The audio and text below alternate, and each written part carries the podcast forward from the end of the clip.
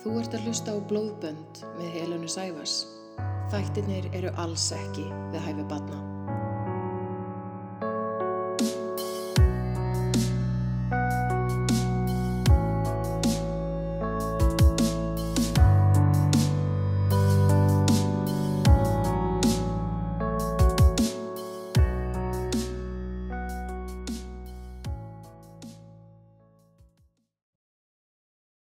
Þann 28. november árið 2016 ringir 22 ára karlmaður að nafni Cameron Rogers í neyðalínuna í Kanada. I would like to confess to a murder. And uh, who, who did you kill? My mom and dad, Okay. Where do they uh, where do they live? they live in Ottawa. They live in Ottawa. Yes, sir. Okay. And what's your name? My name is Cameron. Cameron. Rogers. How old are you? I'm 20, 22. 22. Mm. Uh, oh, here, here's the street. I'm on Tapio Mm-hmm. and Savoie. Okay. Are you gonna stay on the corner? Yes, sir. Okay. I'll uh, okay. I'll send somebody to go and talk to you and just uh, see what's going on. Okay. Thank you. Okay. Bye. Símtalið var rakið að yfirgefnari byggingu í Montreal. Þegar lögreglan heitti Cameron á horninu við bygginguna og handtókan var eins og þungu fargi væri á honum létt. Hann síndi enga mótspyrnu við handtökuna. Hann var færður í gæsluvarðhald þar sem hræðilegur sannleikurinn leitt dagsins ljós. Viku áður eða rétt fyrir hádegi þann 20. november árið 2016 var Cameron að skera vassmelónu í eldúsinu og móðir hans Merrill var að undibúa veisludisk sem hún var að fara með í veislu eftir hádegi sama dag. Á meðan nýfurinn skarst í gegnum melónuna fóru alls konar hugsanir í gang í höfðinu á Cameron. Myrkar hugsanir. Hvað ef hann myndi bara drepa fórildra sína?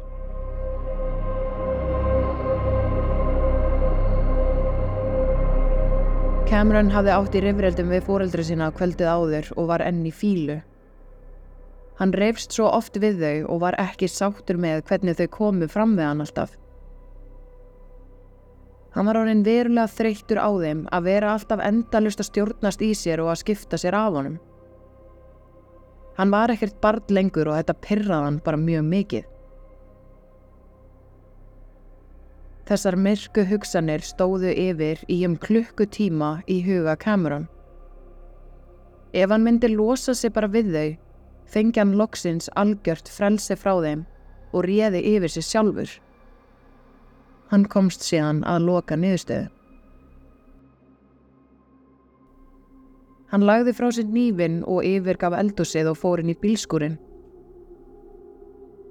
Hann sá þar viðar sverðið sitt sem hann hafði alltaf langað til að nota.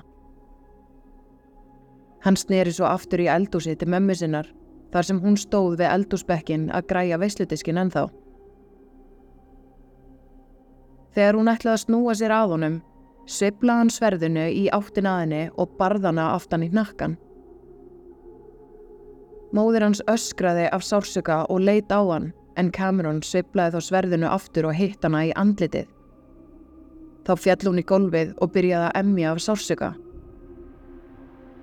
Cameron ætlaði að stinga hana að lokum í bringuna en sverðið var bitlöst svo það fór ekki inn í hana.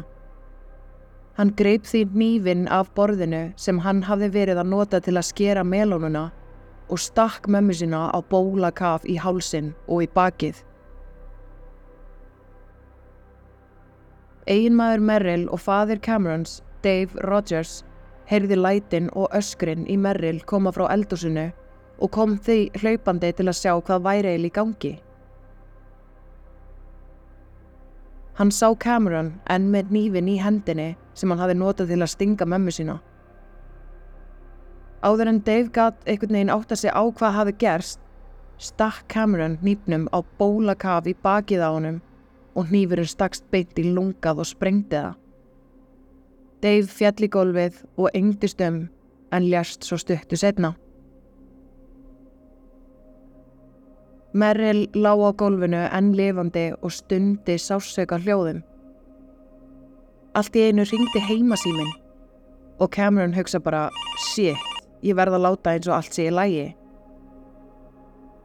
Hann svaraði símónum og á henni línunni var bróðir hennar Merrill, Steve Gleddy, og baðum að fá að tala við sýsti sína Merrill. Cameron sagði þá að báðir foreldrar hans lægi í rúminu með flensu og væri sofandi, en það væri samt alltaf lægi með þau. Hann spjallaði í stutt og stund á léttum nótum með frænda sinn áður en hann lagði sig hann á. Móðir hans gaf frá sér sársöka fullar stunur ennþá þar sem hún lá á gólfinu og engdist um. Cameron ákvaða yfirgefana og fara upp á efri hæð húsins og býða bara.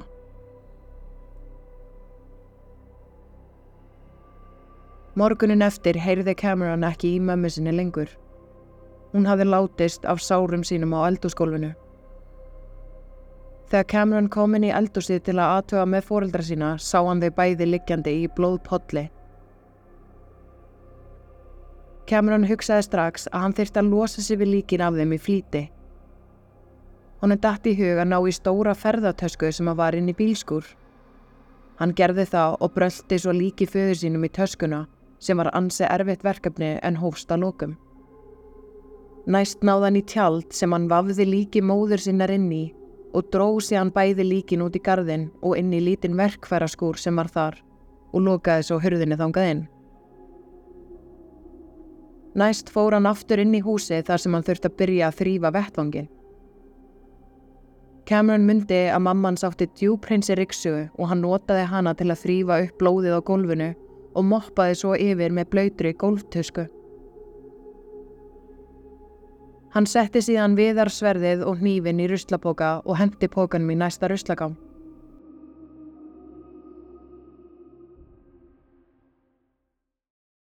Í stað þess að flýja strax af vettvangi og reyna að komast upp með þetta allt saman, var Cameron inn á heimilinu í heila viku og skipulaði hvað næsta skref hjá honum yrði. Hann ákvaða að finna alla hluti sem hann geti selt og leitað peningum út um allt hús. Eftir þessa viku keirði hann á bílnum sem að mammans átti niður á lestastöðuna. Þegar hann kom þangað keift hann lestarmiða til Montreal þar sem hann ætlaði sig hann yfir landamærin til bandaríkjana og taka svo rútu til New York. Í Montreal var hann spurður hvers vegna hann væri að fara yfir landamærin.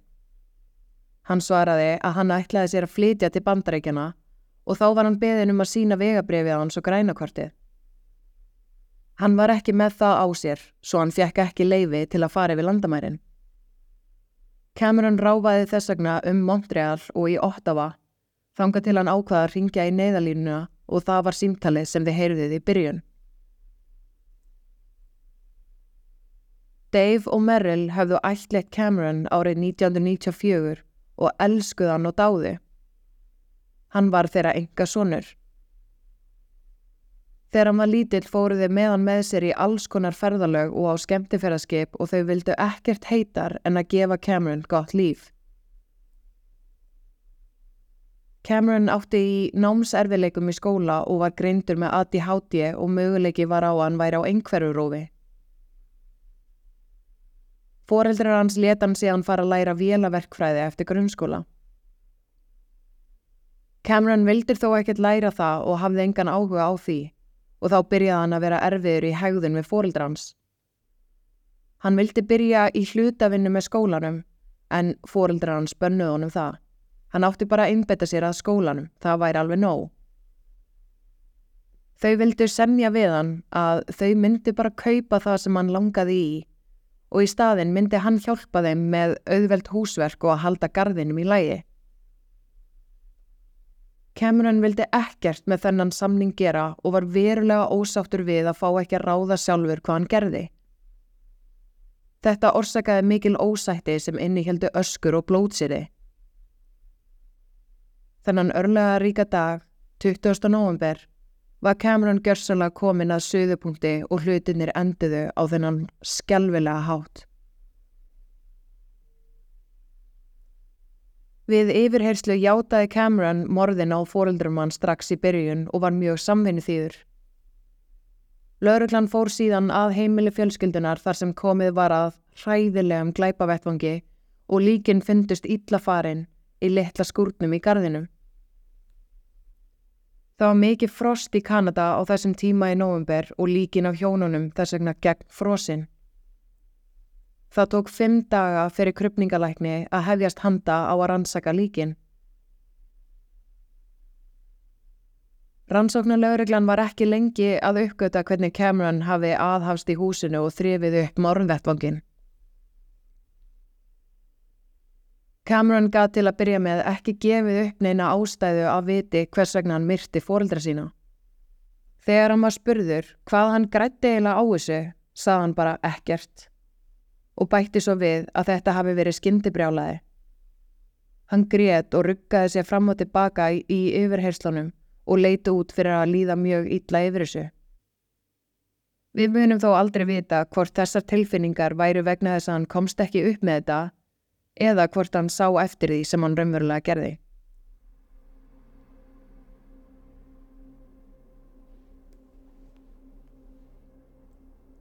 Cameron var ákerður fyrir tvö morð á fyrstu gráðu en hann neytaði sög. Hann játaði sig hins vegar segan fyrir mandrápa af gálesi sem er ekki jafn alvarlegu glæpur, en því var hafnað af ákæruvaldinu. Við réttarhaldin kom sprenging inn í málið þar sem að Cameron sagði frá því að fadir hans hafi kynferðislega misnotaðan alla hans æfi. Domnum í málinu var þess vegna frestað. Þegar rannsókn á þessari fullirðingu byrjaði og Cameron beðunum að lýsa því í smáadröðum hvernig misnotkunin hafi verið, brotnaði hann niður og sagði að þetta hafi allt saman verið lígi.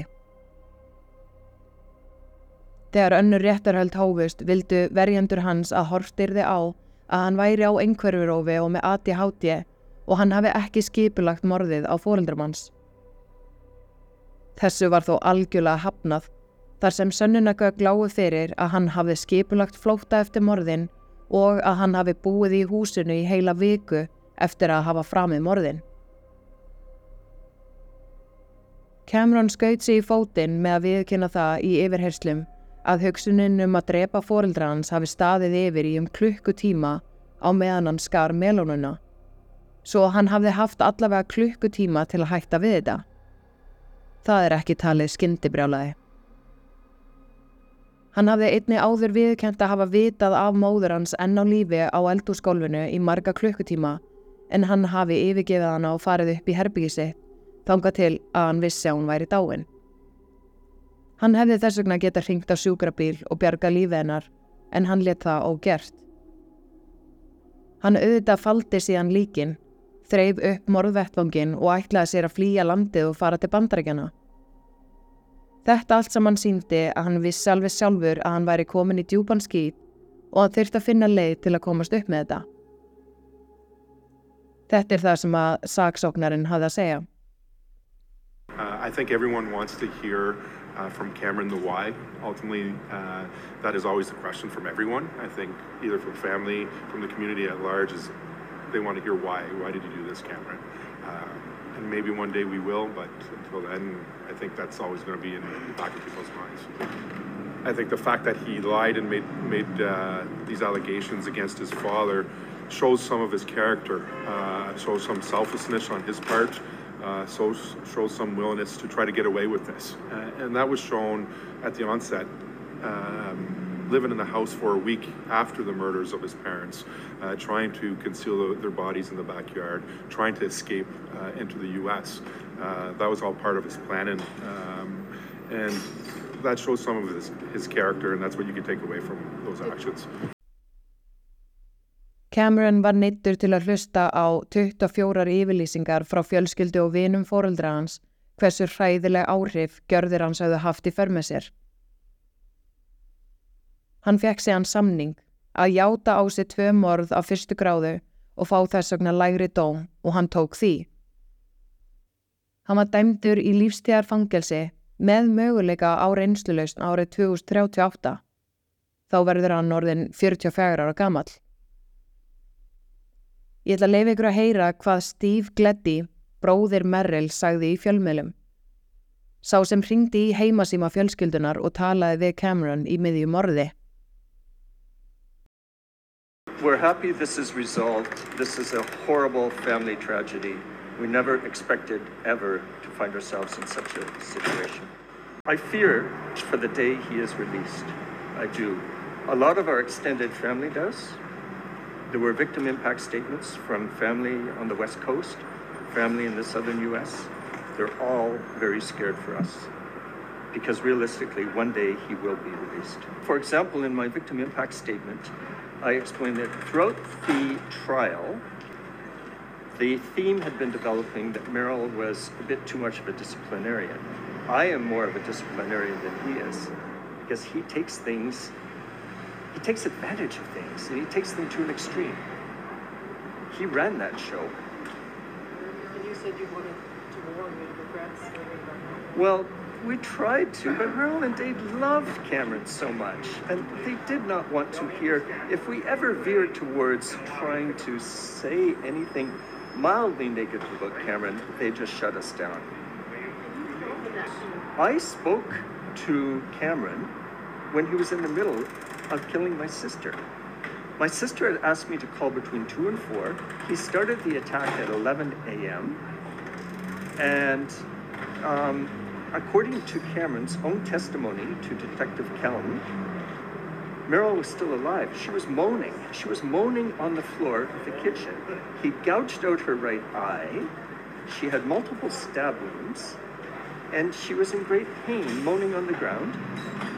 I was chatting with Cameron on that phone in the kitchen, I believe, is where he was. And he was very calmly telling me everything was fine. Þá er komið að lokum í dag. Ég veit ekki með ykkur en ég er verulega ósátt með dóminn sem hann fekk. Hann er ekki nema 44 ára gamall eða jafnvel yngri ef hann hegðar sér vel þegar hann fær að fara út í frelsið aftur á reynslulaust. Það finnst mér alveg magnað. Hann var 22 ára gamall, fullorðin maður og hvernig hann let tíman líða og skipulaði flótta til bandaríkjana ætti að vera nóg til að hann ætti aldrei að fá að ganga sem laus maður aftur. Það finnst mér allavega. Endilega sendi á mig hvað ykkur finnst um þetta mál á Instagram síðu þáttarins. Mér finnst alltaf gaman að heyri ykkur. Hafið það sem allra best. Þangað til næst. Góða stundir.